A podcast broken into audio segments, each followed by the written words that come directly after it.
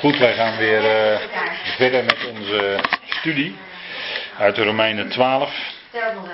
En we zijn uh, inmiddels, uh, we zijn inmiddels aangeland bij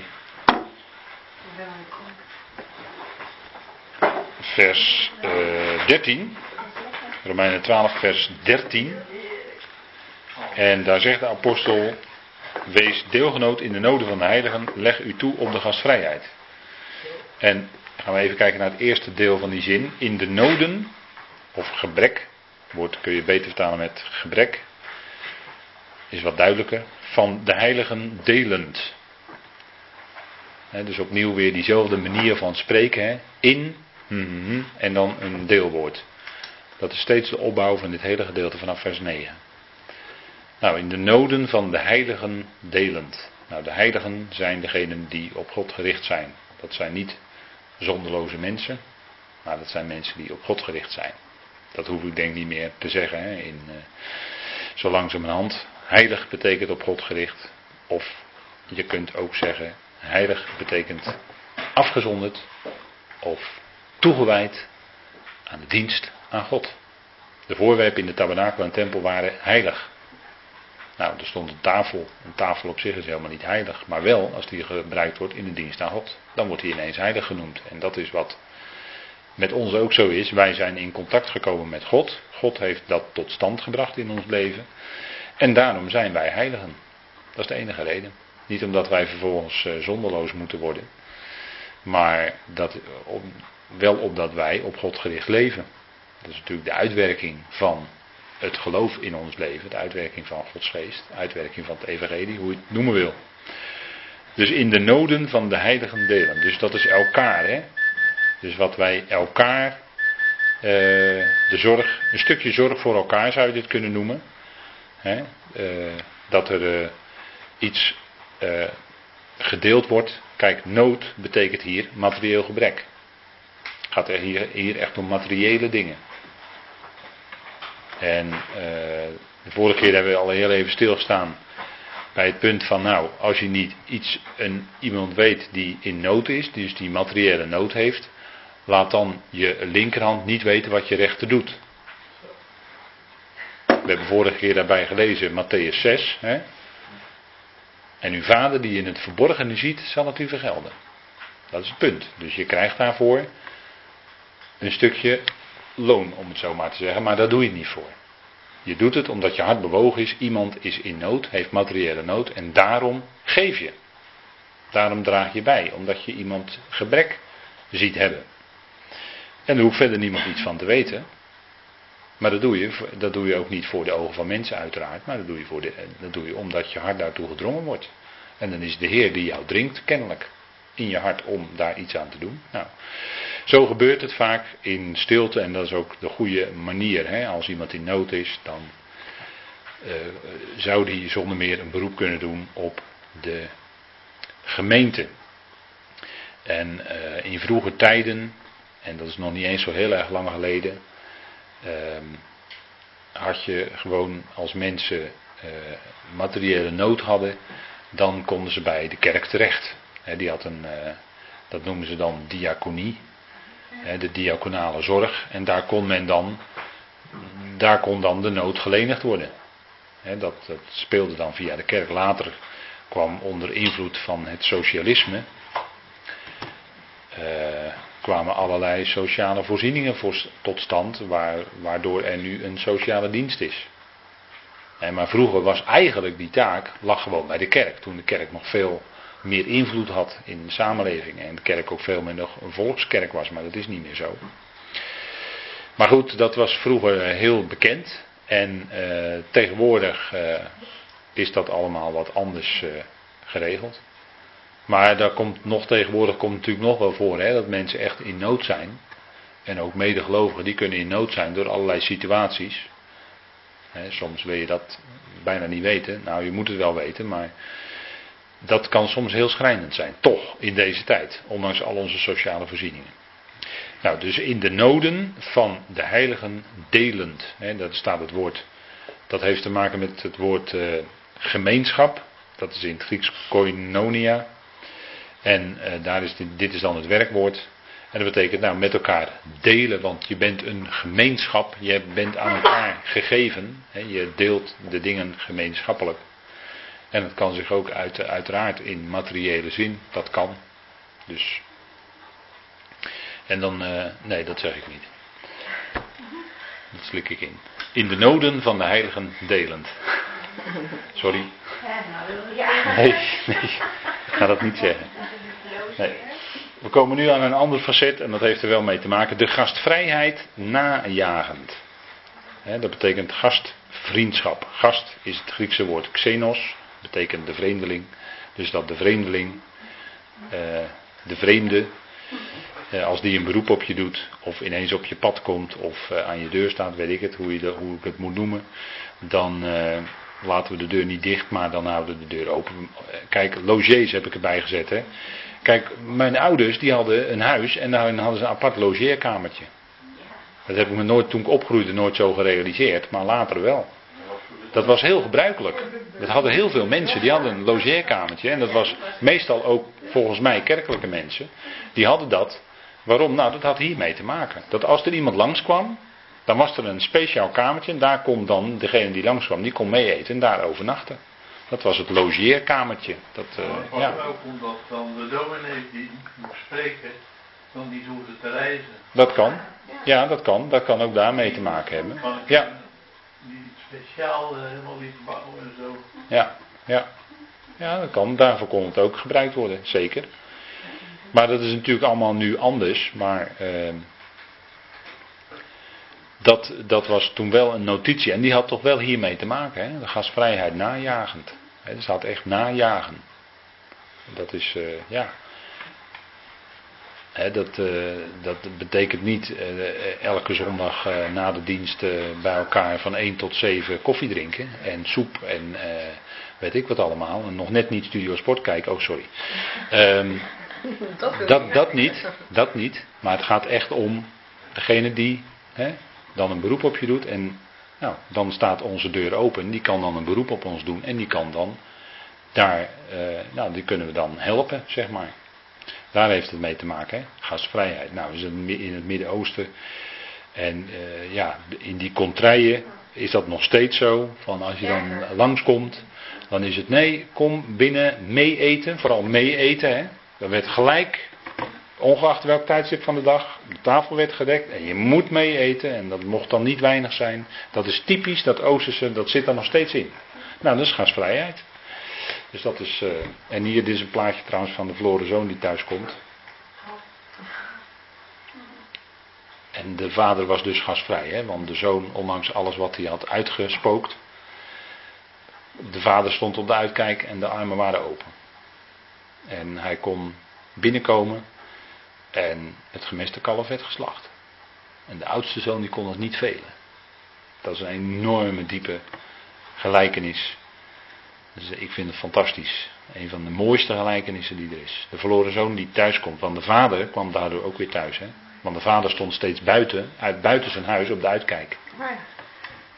Dus nu kon de vader ook weer thuiskomen.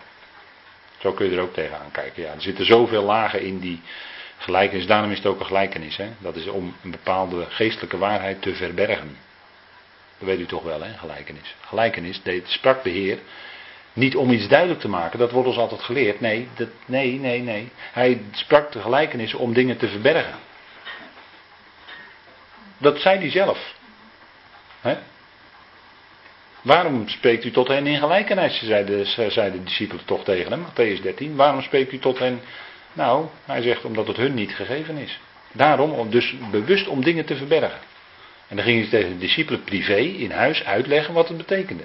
Gelijkenis van de zaaier. Wie is de zaaier? Wie is de akker? Wat is het zaad? Dus allemaal beelden om dingen te verbergen.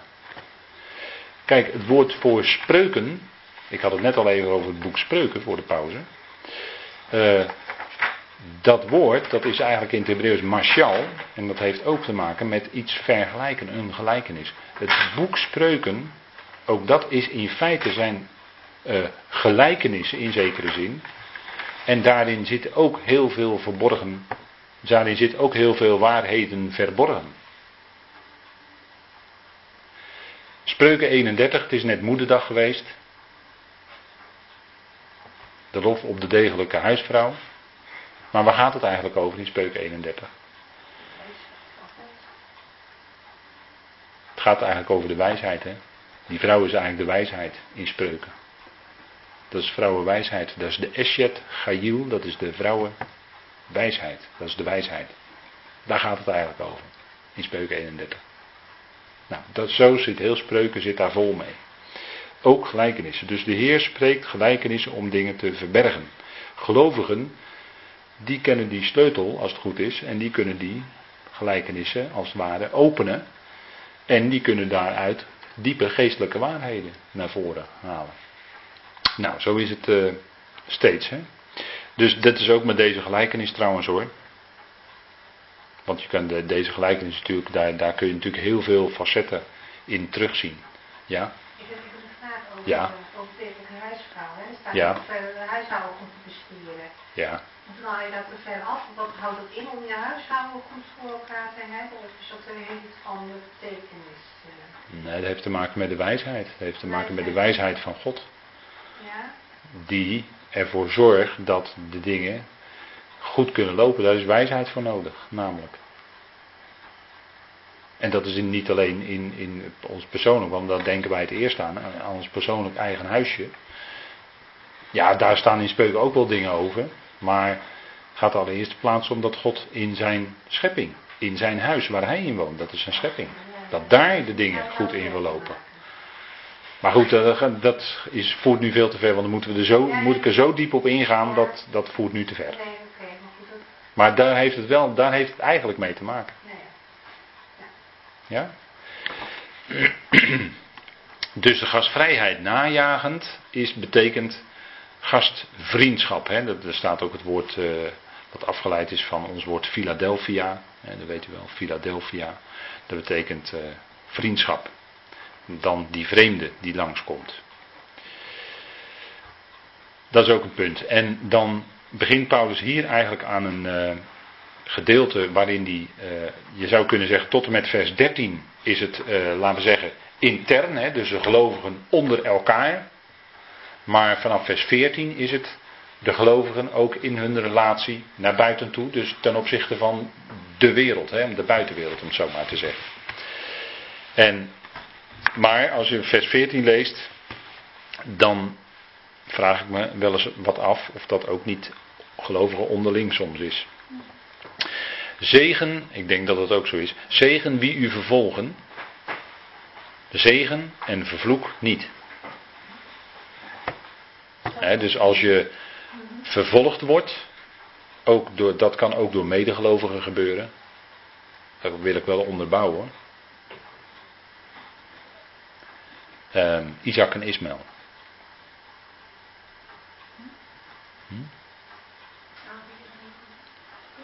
Ja, maar ik bedoelde eigenlijk ondergelovigen. Isaac en Ismaël. Galaten 4, hè.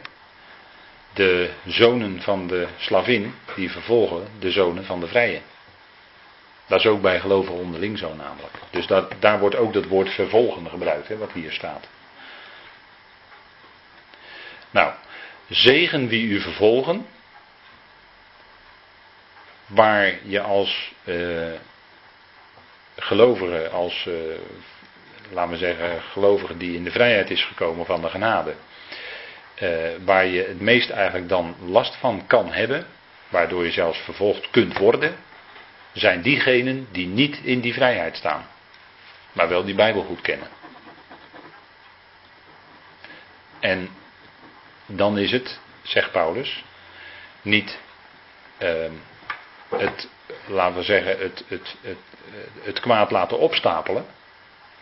Door dat die gelovige die vervolgd wordt, gaat vervloeken. En dan staat er letterlijk neer verwensen. En dat heeft niks met vloeken te maken, maar dat heeft te maken met negatief spreken over die ander. Dus die ander naar beneden halen met je woorden. Dat is eigenlijk neer verwensen. Hè? Daar zit heel duidelijk dat woord voor eh, eh, een richting naar beneden. Zit in dat woord onder andere samengesteld Grieks woord, maar er zit een richting in naar beneden. Dus met je woorden die ander die jou vervolgt naar beneden halen. Hè, Paulus zegt in tegendeel, zegen die u vervolgen.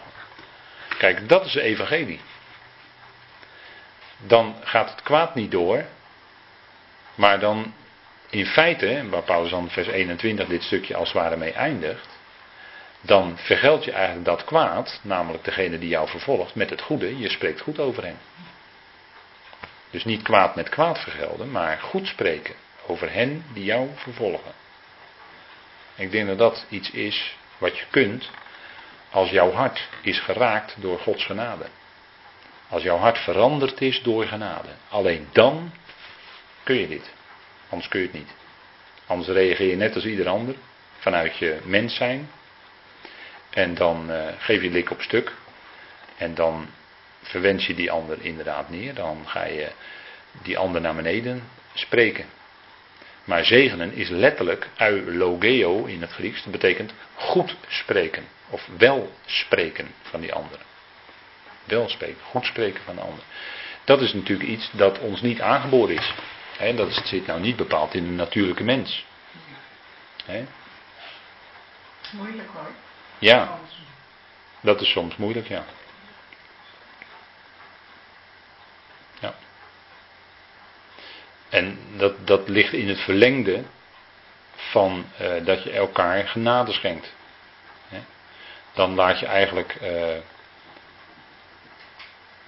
niet het kwaad toenemen, nee, dan, betoon je, dan schenk je die ander, je betoont die ander genade door goed te spreken over die ander. In plaats van dat je. Nou, en dat, ik, ik denk dat dat ook iets in je hart bewerkt, of in je hart teweeg brengt, uh, wat genade ook is, dat is namelijk vreugde. Kijk, als jij lik op stuk gaat geven, dus als jij verkeerde woorden gaat beantwoorden met net zulke verkeerde woorden naar die ander toe, ik denk dat je dan geen vreugde in je hart kent. Of dat dat niet vreugde in je hart tot gevolg heeft. Maar als je daarin tegen die ander, van die ander goed spreekt, dan geeft dat een stukje blijdschap en vreugde in je hart. Ook dat, en rust, ja. waar de mens altijd zo naar op zoek is, naar innerlijke rust. De ongelovige heeft nooit rust. Ik kan het ook met andere woorden zeggen, maar de ongelovige heeft geen rust kent geen rust. Een gelovige, als het goed is, wel. Een gelovige rust al in de allereerste plaats in het volbrachte werk van Christus. Jij hoeft het niet te doen. Nee, hij heeft het gedaan en hij doet het ook. Dat is genade.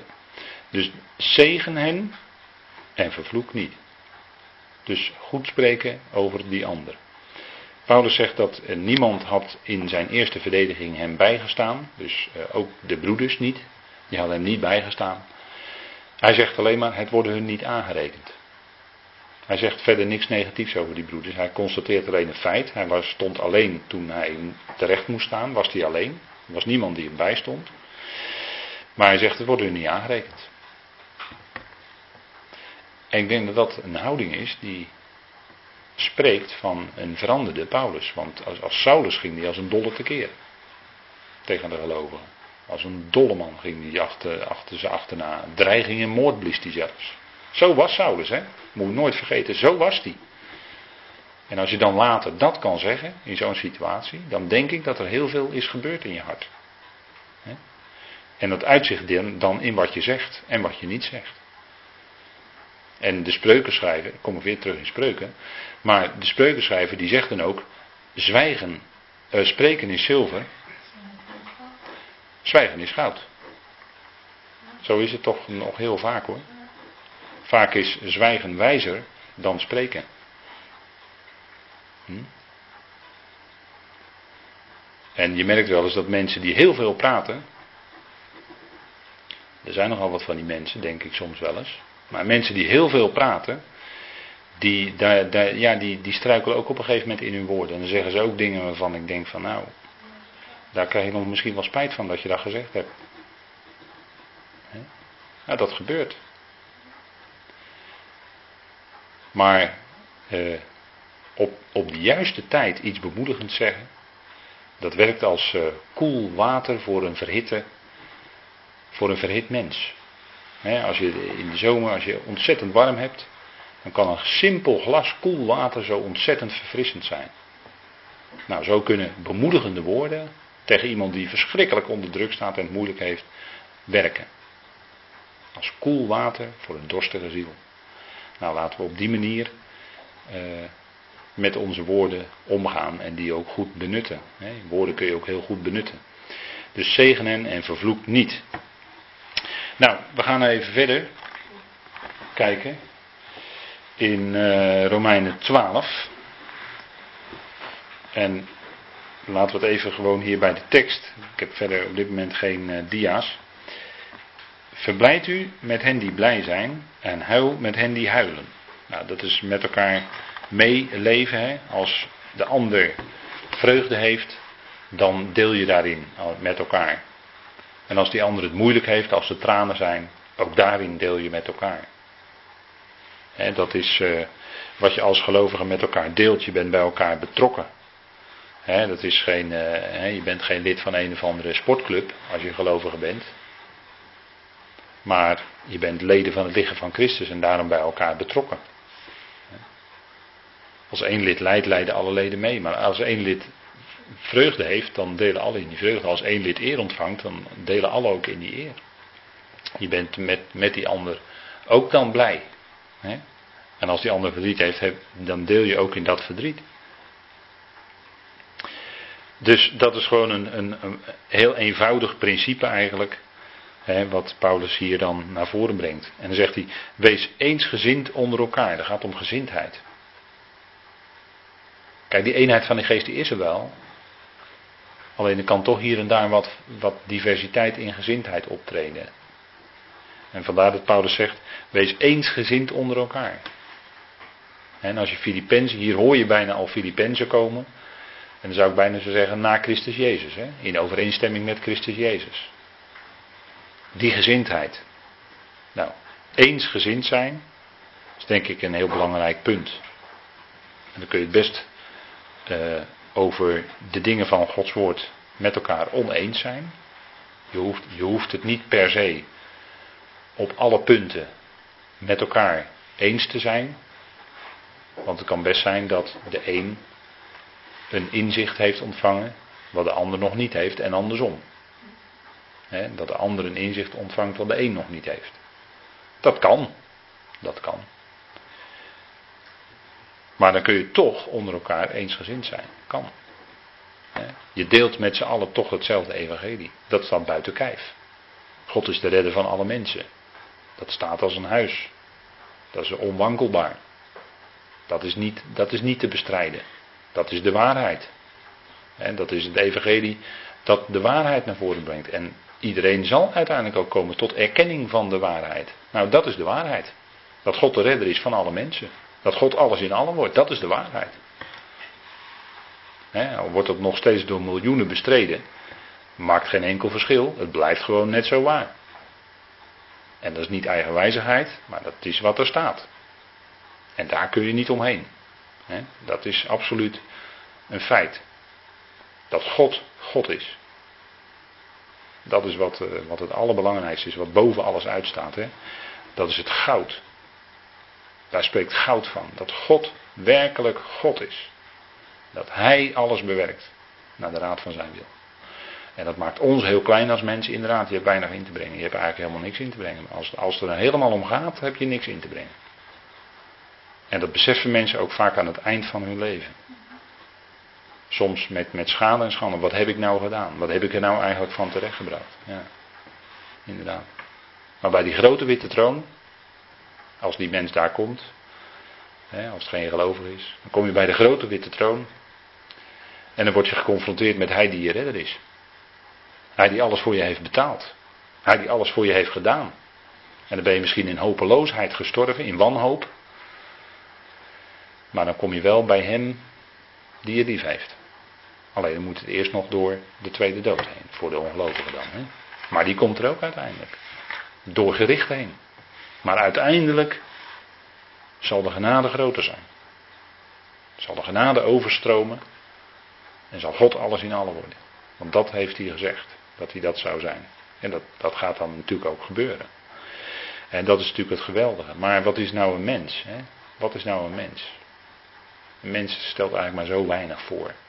Ons leven is een zucht, het is zo voorbij. als, je, als je erachter staat, als je aan het eind van je leven bent gekomen, daar hebben vele mensen al getuigd. Die getuigden dan ervan dat het als een zucht voorbij was gegaan. Ja, wat is nou een mensenleven? Nou, een mensenleven is kostbaar. In Gods ogen. Maar voor je ervaring is het zo voorbij. Daarom zei Paulus ook, de tijd is kort, broeders. De tijd is kort. Met andere woorden, laten we dan die tijd goed benutten. Niet in overspannenheid, maar in goede gespannenheid zou ik willen zeggen. Maar laten we die tijd die we hebben, die korte tijd, goed benutten. Nou, ik denk dat dat uh, een stukje eensgezindheid ook geeft. Hè? Dat evangelie is onomstotelijk, dat staat vast. Streef niet naar de hoge dingen. Hè? Probeer niet boven dat uit te gaan wat eigenlijk je, je plaats is. En dat geldt zowel in maatschappelijk als in het gemeentelijk leven. mensen kunnen soms in de maatschappij eh, zichzelf overstijgen, om het zo maar te zeggen. Dus die hebben dan eh, zo'n groot eh, idee van zichzelf dat ze dat en dat wel allemaal zullen aankunnen. En vroeg of laat wordt er in die ballon geprikt. En dat is ook in het gemeentelijk leven zo. Hè? Streef niet naar de hoge dingen, maar houd je bij de nederige. Dat wat God je geeft, is eigenlijk de bedoeling. Hè? Want er is niks hoog of laag, maar dat is wat uh, God voor jou geeft. Dat is wat dan ook bij de, het nederige is. En dat maakt dan niet uit wat je doet. Wees niet wijs in eigen oog. Hè? Wees niet eigenwijs. Ja, mensen kunnen wel eens uh, wijs zijn in eigen oog soms. Mensen kunnen wel eens eigenwijs zijn. Dat komt ook onder gelovigen voor, anders zou Paulus dat hier niet schrijven. Daar houd ik me dan maar aan vast. Hm. Dat eh, hè, als Paulus het niet, als Paulus, dan had Paulus het niet hoeven schrijven. Als het niet onder gelovigen voorkwam, eigenwijzigheid, dan had Paulus het ook niet hoeven schrijven. Hm? Nou, ik denk dat op zich de boodschap wel duidelijk is. Hè? Toch een goede leraar hoor, die Paulus. Vind je niet? We leren nog elke dag van. We leren nu, nu opnieuw dat er eigenwijze mensen zijn onder gelovigen. Nou, Paulus zegt, wees niet eigenwijs. Maar laat het woord gelden. Hè? Dat wat het woord zegt. Dan ben je wijs als je daaraan houdt. Dat is wijsheid. Ik zou bijna zeggen, we zitten weer in spreuken, maar dat zou ik niet, niet nog een keer, dan wordt het vervelend. Maar het is wel zo. Als je je aan Gods woord houdt, strikt aan wat er staat, dan ben je wijs. Maar oh wee als je met Gods woord gaat redeneren. Want dan redeneer je zomaar geweldige waarheden weg. En dat zie je soms gewoon gebeuren. Nee, dat wat er staat. Daarbij de vinger leggen. En daar ben ik opnieuw, broeder nog, ik noem hem vanavond twee keer. Maar daar ben ik God ongelooflijk dankbaar voor. Dat ik die leraar, broeder nog, op mijn levenspad ben tegengekomen. Want daar heb ik ongelooflijk veel van geleerd. En vooral de vinger bij het woord. Wat staat er? Daar kun je niet omheen. Dat is de waarheid. Absoluut. En als je daaraan houdt, dan werkt dat ontegenzeggelijk zegen uit in je leven. Daar zul je nooit aan tekort komen. Nee, dat zal altijd zegen in je leven uitwerken. En wat dat betreft hebben we vaste principes. Dat wat er staat, dat evangelie is onwankelbaar. Dat is ons principe. Daar houden we het bij. En daar wijken we niet vanaf. En als je er vanaf wil wijken, dan hoor je de afwijking, omdat men dan moet gaan redeneren. Men moet redeneren. En voor een leugen heb je heel veel woorden nodig, is het gezegd. Een leugen heeft heel veel woorden nodig. Maar bij Gods woord heb je niet zoveel woorden nodig. Dan kun je gewoon zeggen, ja, dat staat er. Punt, daar hou ik het bij. En dat is gewoon wat overtuigt. En dat is ook wat als een rots zo vast blijft staan. Al het andere is onzeker. Maar wat Gods woord zegt, is vaste zekerheid voor ons leven. En biedt een geweldige verwachting. Voor vandaag, maar ook voor de dag van morgen. We hebben uitzicht. Uitzicht op heerlijkheid die komt. Hè? Alles overstijgende heerlijkheid. Dat is onze verwachting. Nou, laten we ons dan verheugen in die verwachting. Tot zover vanavond.